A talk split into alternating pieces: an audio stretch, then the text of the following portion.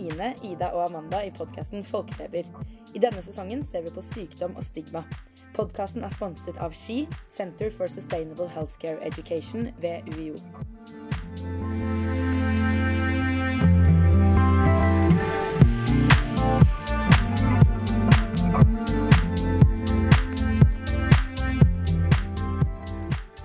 Velkommen til sesongens siste episode av Folkefeber. Eh, nå er det Ida Sofie, Sine og jeg Amanda som sitter her. Og i dag så har vi med oss Mette Brekke, som er professor og spesialist i allmennmedisin. Og hun underviser også allmennmedisin for medisinstudentene i Oslo og har gjort det lenge. Og Mette har mye erfaring som fastlege. Så velkommen til deg, Mette. Takk for det. Det første, spørsmål, det første spørsmålet vi vil stille deg, det er um, om stigmatisering er et sentralt tema for deg som allmennlege. Ja, det var et veldig godt spørsmål. Altså, jeg skulle til å si da du presenterte meg at jeg har faktisk vært fastlege, eller allmennlege, i akkurat 40 år. Oi, wow. Og det er ikke verst. Wow. Det er godt jobba. Veldig. Nå har jeg faktisk slutta, for jeg er jo 68 år, vet dere. Så, men jeg har ikke slutta på universitetet, altså. Og til spørsmålet om stigmatisering er et aktuelt tema, var det det du sa? Mm. Så er det selvsagt ikke noe jeg som fastlege pleier å sitte og tenke på hver dag. Men når jeg nå tenker på spørsmålet, så kommer det jo opp en masse tanker rundt det. Um, og tilfeller eller pasienter, da. Jeg knytter jo ofte sånne refleksjoner til enkeltpasienter hvor, hvor dette med stigmatisering har vært vanskelig. Og jeg, for meg så har det nok vært mest vanskelig hvor det både har vært stigma og tabu ja. inne i bildet. Altså, dere nevnte noen pasientgrupper dere hadde snakket med, og hvis jeg husker riktig, så så kan det ha vært folk som eh, misbruker rus, eller som er hiv-smitta, f.eks. Og akkurat de to gruppene syns ikke jeg har vært noe problem. Altså Hiv er jo noe man kan deale med nå for tiden. ikke sant? Man kan leve helt greit med hiv. Og jeg har hatt mange pasienter jeg som har hatt hiv. Og det har alltid vært helt operasjonelt. Men det er klart, det, det bringer jo med seg noen unike problemstillinger i pasientens liv. F.eks. en unge dame, og hun kan ikke ha vært mye eldre enn dere, som hadde truffet en som hun virkelig likte. Og det var gjensidig. Og de skulle reise på hyttetur. Og da måtte hun fortelle ham at hun hadde hiv. Og den er ikke god, altså. For det er nettopp fordi det er stigmatisert, ikke sant. Selv om i våre dager, hvis man er samvittighetsfull og følger opp og sånn, så kan man jo leve egentlig som frisk og ikke smitteførende person. Men så, så dette satt vi og diskuterte da før hun dro. Og hun sa å, det er så hjerteskjærende, husker jeg hun sa. Ja. Mm. Men sånn var det. Eh, og jeg syns heller ikke det med at en person er stoffmisbruker har vært noe stort problem, for det er så åpenbart. Ikke sant? Det er Si at det er en tung stoffmisbruker, da. Så, så er jo det en så stor del av pasientens identitet at det er ikke noe problem for en fastlege å forholde seg til at akkurat denne pasienten er stoffmisbruker. Men man må jo selvfølgelig eh, møte den pasienten med respekt og interesse på lik linje med alle andre. Mm. Eh, og det tror jeg nesten Det burde i hvert fall være en selvfølge for eh, leger generelt, syns nå jeg. Det kan jo hende at deres pasienter har fortalt litt andre historier. Men eh, jeg syns det har gått helt fint mm. å forholde seg til folks som har vært eh, stoffmisbrukere. Men, men kan, jeg spørre, kan jeg bare spørre om det er noen eh, sykdoms... Eller noen gruppepasienter som du føler at det er et Eller kan være vanskelig å møte pga. stigmatisering? Mm. Jeg hadde jo tenkt å komme til det. Nå kan jeg nevne Jeg kan nevne den vanligste først. Og det er en pasient som er veldig overvektig. Eh, og da Det er det jo mange pasienter som er, og mange kommer jo med det som et problem og ønsker hjelp. Eh, og noen er helt åpne på det. Men så hender det jo da at pasienter kommer for alt mulig annet og ikke nevner dette. Og, og de er, kan være så overvektige at det er en åpenbart veldig stor helserisiko og et helseproblem. Og da har jeg ofte sittet og følt på Altså, det faller meg jo ikke inn at ikke pasienten er klar over det. For det er pasienten selvfølgelig eh, smertelig klar over det. Eh, men så har jeg sittet og følt på skal jeg ta det opp? Når skal jeg ta det opp? Og hvordan skal jeg ta det opp? Og jeg husker da særlig en pasient som eh, var hos meg mye. Hun var ung, hun var oppegående på alle måter, hadde god utdanning, god jobb, var gift og var voldsomt overvektig. Og hun kom for alle mulige vanlige ting ikke sant? som eh, ikke hadde noe med det å gjøre. Og jeg tidde stille og tenkte og lurte. "Mm, Jeg vil, og det er fordi jeg vil ikke støte henne. Altså Der sitter jeg som et tynt rekel som har sånne interesser som å gå på ski og løpe og sånn. ikke sant? Og så skal jeg sitte der og snakke om hennes vekt. Det er skikkelig stigmatiserende. Og jeg ville altså ikke plage henne med det. Men så kom hun da en dag med en helseplage som helt åpenbart var relatert til overvekten. Og da var det naturlig å ta det opp. Men eh, jeg tror mange fastleger reagerer sånn at man, man er litt følsom for det og lurer på mm, Jeg skulle gjerne snakket om dette, men det må være en passende anledning. Så men tenker du da litt at fordi en sykdom som overvekt eller pedme, da, eller jeg vet ikke om man kan, det er vel egentlig ikke definert som en sykdom engang, men, men um, det å ha det, at det nesten kan bidra til å gjøre noe av behandling, eller den stigmatiseringen kan bidra til å gjøre behandling vanskeligere, og en åpen kommunikasjon vanskeligere. Tenker du vanskeligere enn hvis det ikke hadde vært stigmatisert? Ja, fordi hvis, Ja. hvis overvekt eller pedme ikke hadde vært stigmatisert, så hadde det kanskje vært naturlig på en annen måte å bare ta det opp, hvis man tenker at det er relatert til flere av de andre plagene man kommer med. Ja, det tror jeg. Du vet, det er så veldig skambelagt. Ja. Mm. Og mange av de fleste av disse tingene dere, dere nå har konsentrert dere om her, de er jo veldig skambelagt. Og, og jeg tenker som fastlege så er det Så kan jeg godt ha et valgspråk, og det, det har jeg faktisk hatt, og eksplisitt. Og det er at ingen pasient skal gå ut av kontoret og føle seg ydmyket. Det er en god regel. Det bør jo gjelde alle leger, det om man er ortoped eller whatever. ikke sant? Man må ikke gjøre at en pasient går ut av kontoret og føler seg ydmyket. Og akkurat når det gjelder si en, en ellers frisk oppegående, men veldig overvektig pasient, så tenker jeg at det er en stor risiko for det. Si at hun kommer for eh, si eh, eksem, da. Og så begynner jeg å snakke om vekta. Det er ikke lett, og det er kanskje ikke riktig heller. Da er det bedre å bygge opp, i hvert fall bygge opp et tillitsforhold først. Absolutt. Sånn at hun da kan, eh, kan våge å ta det opp.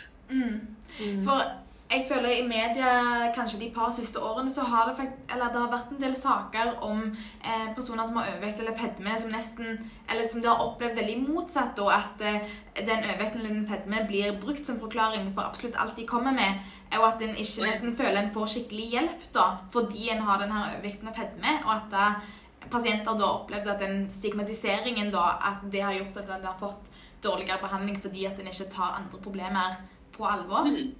Akkurat. Ja, det kan jeg godt tenke meg. Det kan jeg godt tenke meg.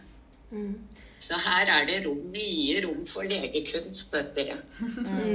Ja. Det er ikke enkle svar, men det er jo en del sånne så Sånne ting som er overvekt er jo et helt alminnelig fenomen, ikke sant? Helt alminnelig.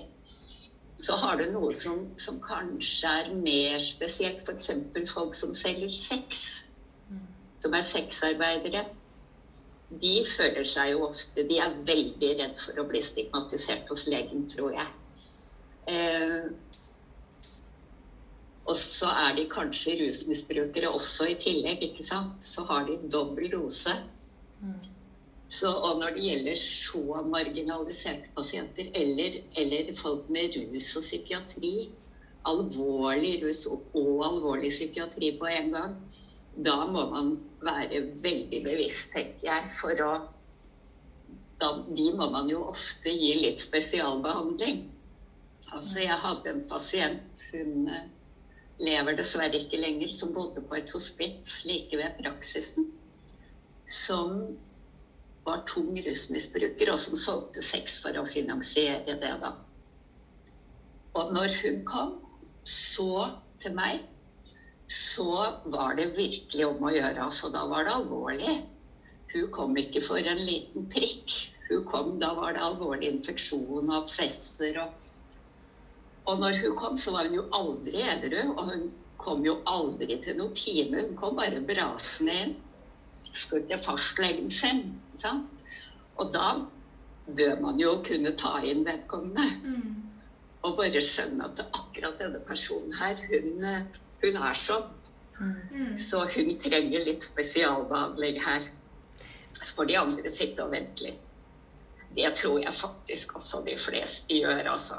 Ja. Det er ikke mange sånne pasienter, da. Men jeg, jeg har et slags oppfølgingsspørsmål til det. fordi i denne Ja. sesongen så har vi snakket mye om sykdom, eh, stigma knyttet til sykdommer, men vi lurer også litt på stigma knyttet til eh, Jeg vet ikke om personlighet blir riktig ord, men knyttet til type person. Da er det f.eks.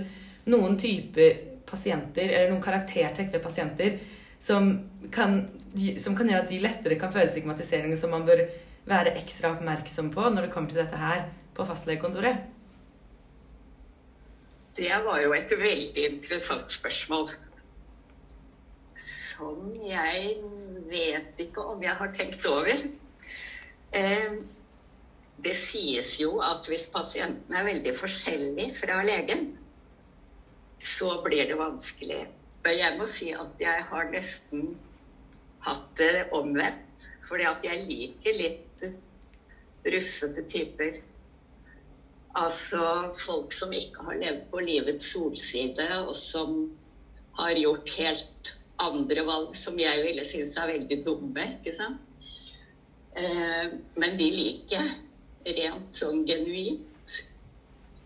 Eh, og jeg kommer på en Jeg fikk en ny pasient. Det er jo gjerne de som blir litt utfordrende. Og det var en dame på nesten på min alder. Altså hun var vel i hvert fall 60 år. Fastlegen hennes var slutta. Og da måtte hun få nye leveranser av alle de benzodiazepinene hun brukte. Og de trodde hun at jeg kunne ordne. Så hadde valgt meg som ny fastlege. Og jeg likte virkelig dama, for hun scora høyt på virkelig alt. Altså, hun røyka, hun var overvektig, hun hadde Mannen hennes eh, hadde stort sett sittet inne. Eh, det var det ene med det andre og det tredje. Men jeg kunne jo samtidig ikke gi henne disse benzodiazepinene. Så jeg måtte jo si til henne det at jeg skal gjerne være fastlegen din, men du får ingen av de medisinene der av meg. Og da husker jeg hun sa at det var synd, sa hun. Nå som jeg endelig hadde truffet en som var hyggelig. Og det tok jeg som et stort kompliment. Men hun skifta jo selvfølgelig fastlege igjen samme dagen, for pillene var viktigere enn alt annet. Men altså Til det med å like hvilke folk man liker Jeg tror man sliter grundig som fastlege hvis man bare liker folk som ligner på en sjøl. Når det gjelder, si når det gjelder etnisk bakgrunn, da. Utdanningsnivå, eh, interesser eh, seksuell legning for å ta en sånn ting. Det går ikke. Man er nødt til å like alle. Og, og bli fascinert av alle. Jeg ser det er en hånd oppe her. Ja, nei, det var nok bare Zoom som Ja, jeg har litt sånn snodig zoom. Men jeg har faktisk et, eh, et lite oppfølgingsspørsmål på det. fordi at eh, dette har vi diskutert litt i sånn kliniske smågrupper som vi har. Vi læres jo opp til at vi skal tilpasse informasjonen vi gir til utdanningsnivå og sosial status og dette, og det er jo kjempeviktig. Men mange av de jeg har møtt eh, eller diskutert med, sier jo òg at dette kan føre til eh, en del noe som oppleves litt diskriminerende på andre side. Og det, det vil jeg tenke at sånn, Her prøver man jo å nå eh, pasienten, og så kan man dessverre da eh, komme ut for å gi noe utilsikta diskriminering. Og da lurer jeg litt på hvordan, hvordan forholder du deg til, de, til, den, eh, ja, til den situasjonen der som allmennlege? Har du noen tips, noen sånn fremgangsmåter du gjør, eller noe du tenker spesielt på der? Det er veldig, veldig gode spørsmål dere har, altså. Og det er sånn som jeg er sikker på at folk som holder på å utdanne seg til fastleger, kunne hatt veldig interesse av å reflektere over. Eh, Men altså, du tenker på hvis man skal informere om noe, så kanskje legger det på for lavt nivå, da. Mm, for Fordi man tror pasienten ikke klarer å forstå det. Det har sikkert hendt, det òg, altså. Men jeg tror, jeg tror at for meg har det vært verre omvendt. At jeg har forklart noe medisinsk, og så har pasienten fått med seg 5% eller noe sånt. Ja. Eh, ja. Nei, jeg har ikke tenkt så veldig over akkurat det der. Ei annen gruppe du, som jeg har eh, pratet, eller det vi har prata med et par pasienter i løpet av denne sesongen, er em, pasienter som har fibromyalgi for eksempel, eller ME, eller den type sykdommer, som eh, av og til kanskje blir assosiert litt med den kategorien med MUPS, medisinsk uforklarte plager og symptomer.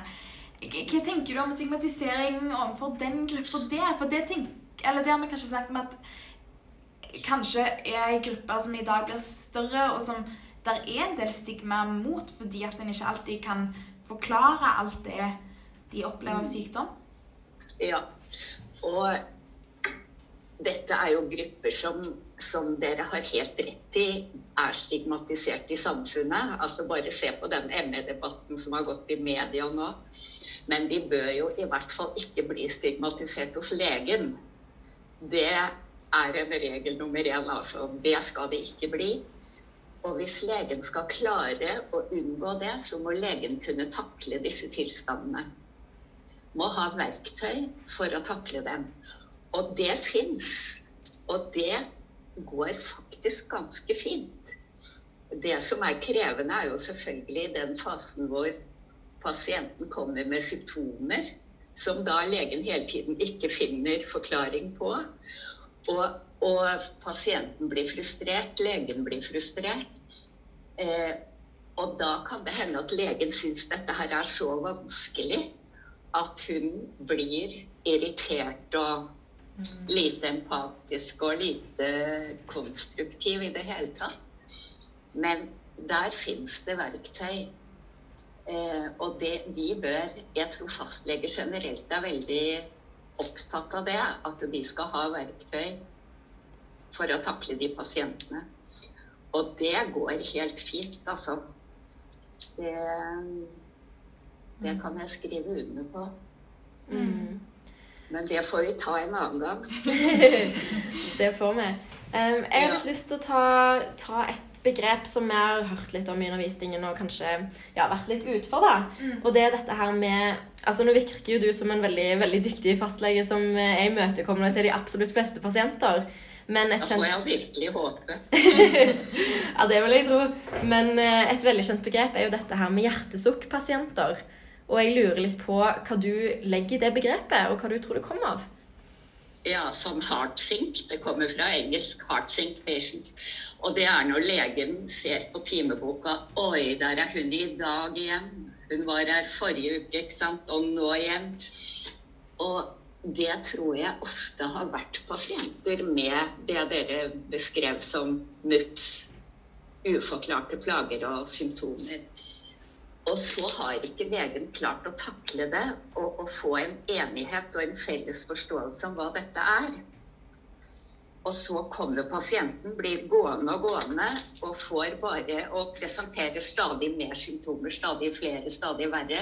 Og angstnivået øker hos pasienten. Og da sliter legen.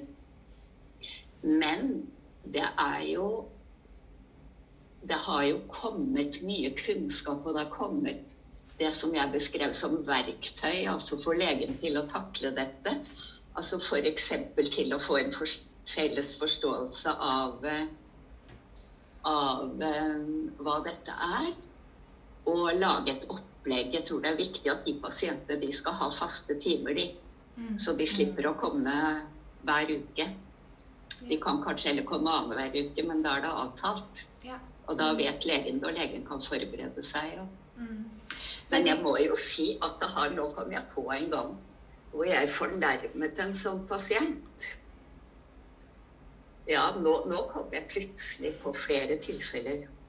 Jeg fornærma en pasient. Hun holdt på å utvikle en ME, må jeg nok kunne si. Og så var hun frustrert fordi hun ikke fikk time et eller annet sted til en sånn ja, mer helhetlig vurdering hvor hun var henvist. Og så sier jeg til henne at ja, men du, det, det er jo ikke blålysmedisin. Dette må ta den tiden det tar. Det kan vi leve godt med. Og da ble hun fornærma, gitt, og skifta fastlege. Ja. Mm. Så, og så, kan, hvis jeg kan fortelle om en annen gang, hvor jeg ble veldig overrasket over at en pasient skifta fastlege. Det var en godt voksen dame, hadde gått hos meg mange år. Plutselig så, så jeg at hun hadde skifta fastlege. Og så gikk jeg inn i journalen og så hva vi hadde snakket om den siste gangen. Og den gangen så hadde hun fortalt meg at hennes datter, som nå var voksen for lenge siden, hadde blitt seksuelt misbrukt av sin far, som hun da hadde samvær med. Og dette var kommet opp, og det ble tiltale alt, alt som det skulle. Men dette fortalte hun meg. Og så lurte jeg på, siden hun da slutta hos meg, hadde jeg pusha noe her? Hadde jeg spurt og gravd? Hadde jeg vært for påtrengende, liksom? Men så, morsomt nok, så kom pasienten tilbake etter en stund.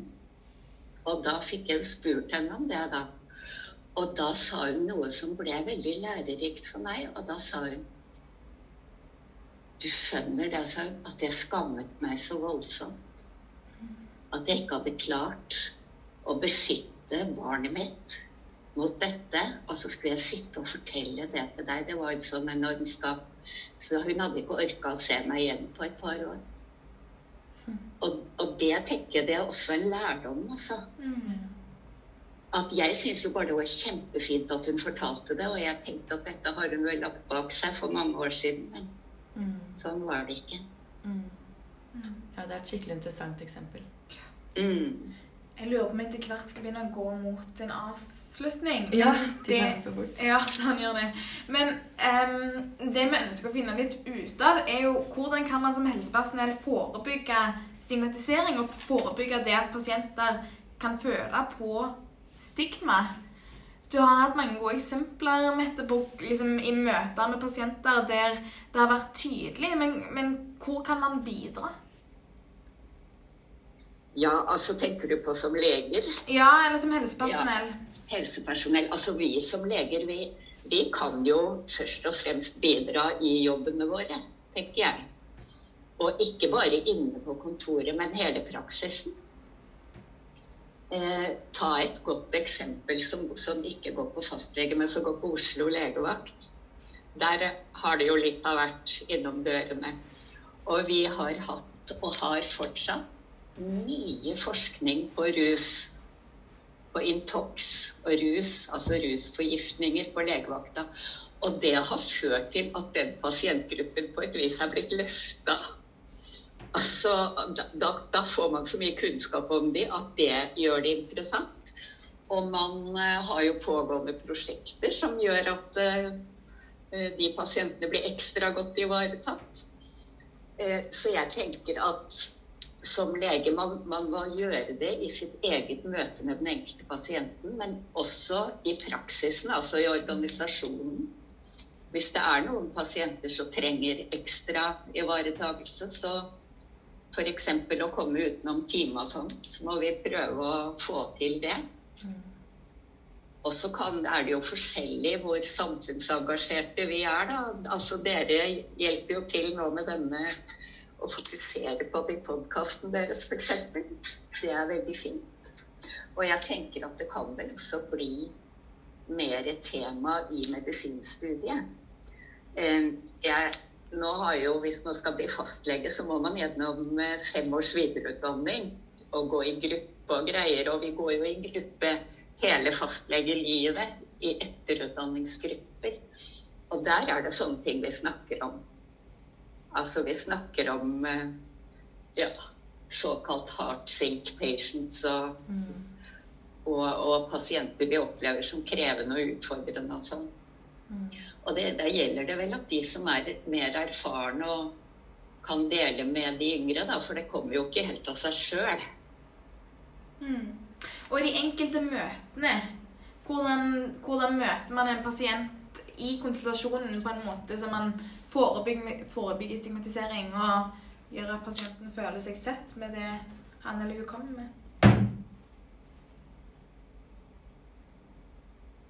Ja, det, det blir veldig Altså, man må jo aldri Hvis man klarer å unngå at pasienten blir ydmyket, eller føler seg ydmyket mm. og, og da må man jo f.eks. aldri kritisere sånn si at ja, men åssen har du greid å bli så tjukk, liksom, i din alder? Altså Man må jo ikke kritisere pasienten for de valg, eller f.eks. ja, ja, denne kolsen her er jo Det måtte du jo regne med med den røykehistoria di, f.eks.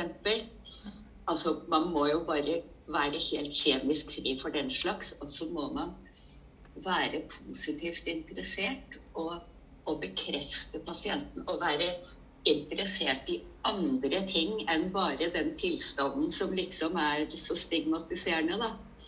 Si at det nå skulle være en, en hiv-positiv pasient, så har jo den pasienten tusen andre sider enn en det at hun er hiv-smitta. Mm. Så, så jeg tror ikke det er noen stor kunst.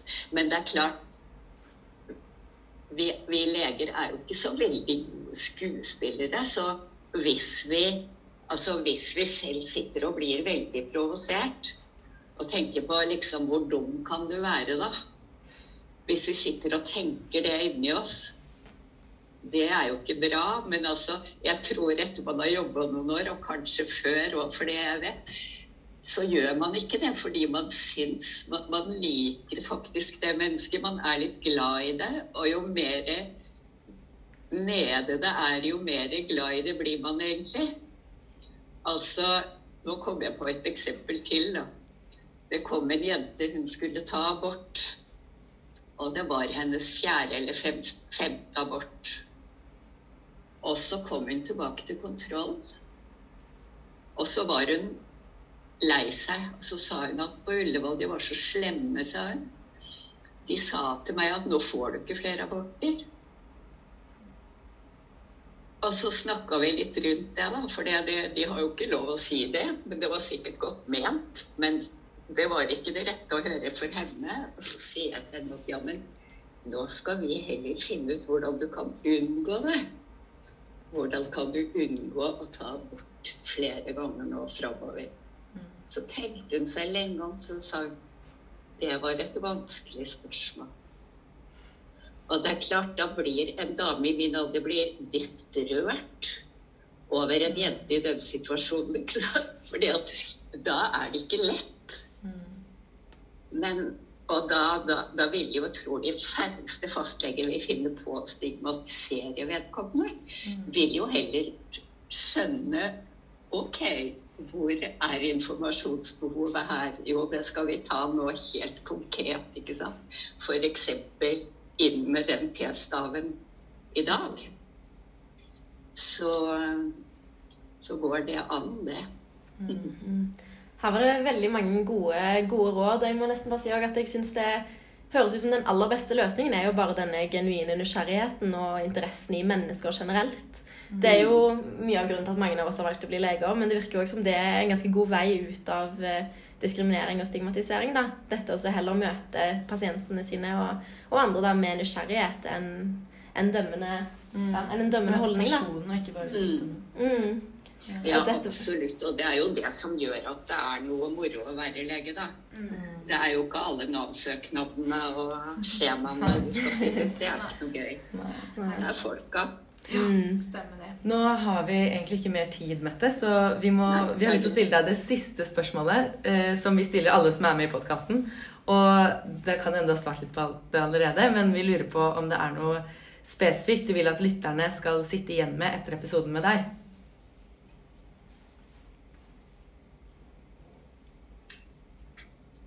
Ta en liten oppsummering, da. Som lege eller helsepersonell, still høye krav til deg selv om at du aldri skal la en pasient bli ydmyket, og du skal ikke delta i stigmatiseringen. Og vær interessert i hele mennesket, så går det fint, det. Det var veldig fint. Veldig God fint. oppsummering. Tusen takk, Mette. Takk for at du ble med. Tusen takk. Bare hyggelig, og lykke til med reiseplaner og det hele. Tusen takk.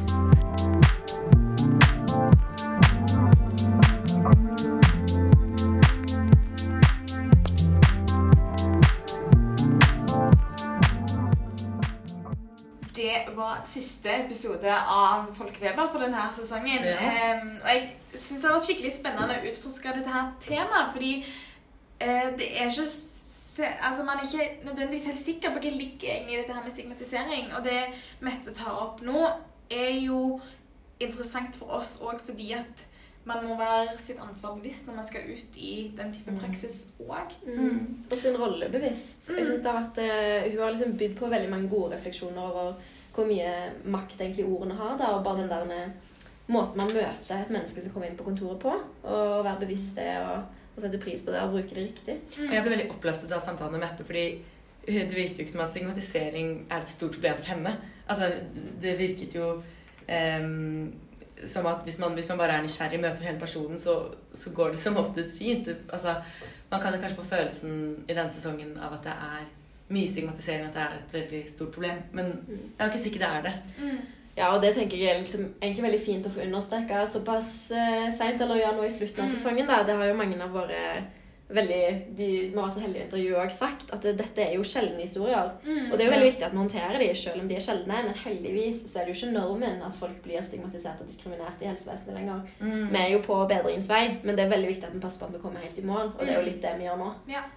Og så syns jeg òg det var interessant det hun sier om disse her verktøyene. Det fikk vi jo ikke gått nærmere inn på. Men sånn, mer enn å bare snakke om det, så er det faktisk konkrete ting man kan søke opp og finne ut av. Sånn, ok, Hvis det er noe som man syns er vanskelig å håndtere som helsepersonell òg, så er det eh, måter å lære mer om det og verktøy å bruke for å møte pasienter på en måte som gjør at alle føler seg sett og hørt. og ja. Mm. Og særlig akkurat inne på dette med hjertesukkerpasienter, det fikk vi ikke tatt opp eh, under intervjuet. Men jeg, jeg fikk litt følelsen av at du også sa at det, det kommer jo ikke egentlig av pasienten. Det kommer av vår egen mangel på kunnskap om sykdommen eller tilstanden, da, og kanskje en følelse av utilstrekkelighet. Og da ble jeg liksom sittende og tenke at det, hva om vi bare er litt flinkere på å innrømme det overfor pasientene våre òg? Og sånn som hun sier, ta det inn regelmessig og prøve. Og bare ærlig på det. At det kan ha veldig god effekt for, for begge parter. da. Enig. Og så tror jeg vi som helsepersonell generelt er opptatt av å føle oss eh, ja, føle vi har nok kunnskap. Og da synes jeg det eksempelet du hadde med legevakten òg, der man hadde hatt veldig fokus og lært masse om rusavhengighet og hvordan å møte pasienter som, eh, som er avhengig av rus. Altså at det er da kanskje enda mer spennende, og at man klarer å gjøre det på en bedre måte fordi de har hatt så fokus på det. Og det må jo gjelde mye, tenker jeg. at sånn, Hvis man har fokus på det, så blir det òg lettere å møte eh, når de pasientene kommer. Mm, absolutt. Nei, jeg har lyst til å bare si vel blåst, eh, jenter. For en bra sesong av Folkefeber. Det var gøy. Så håper jeg at eh, dere lyttere har lært noe, og at dere kanskje sitter igjen med noen refleksjoner noen tanker om hvordan eh, man kan forholde seg til dette i framtida. Mm. Tusen takk for følget. Så snakkes vi. Vi ses.